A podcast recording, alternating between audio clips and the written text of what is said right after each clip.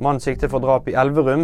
En kvinne i 30-årene ble funnet død, og en mann hardt skadet i en bil ved Elverum sykehus mandag kveld. Han er nå siktet for drap. Kvinnen ble erklært død på stedet, mens mannen ble fløyet til Oslo universitetssykehus. Begge personene hadde skuddskade.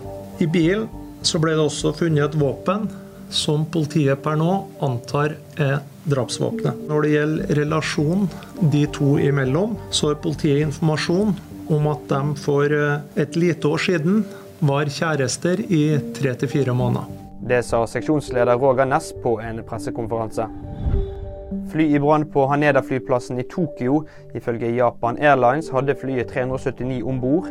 Alle skal være evakuert. Ifølge nyhetsbyrået Reuters kolliderte det med et fly fra Kystvakten. Fem av seks i det flyet ikke gjort rede for. Husk at du alltid finner nyheter på VG.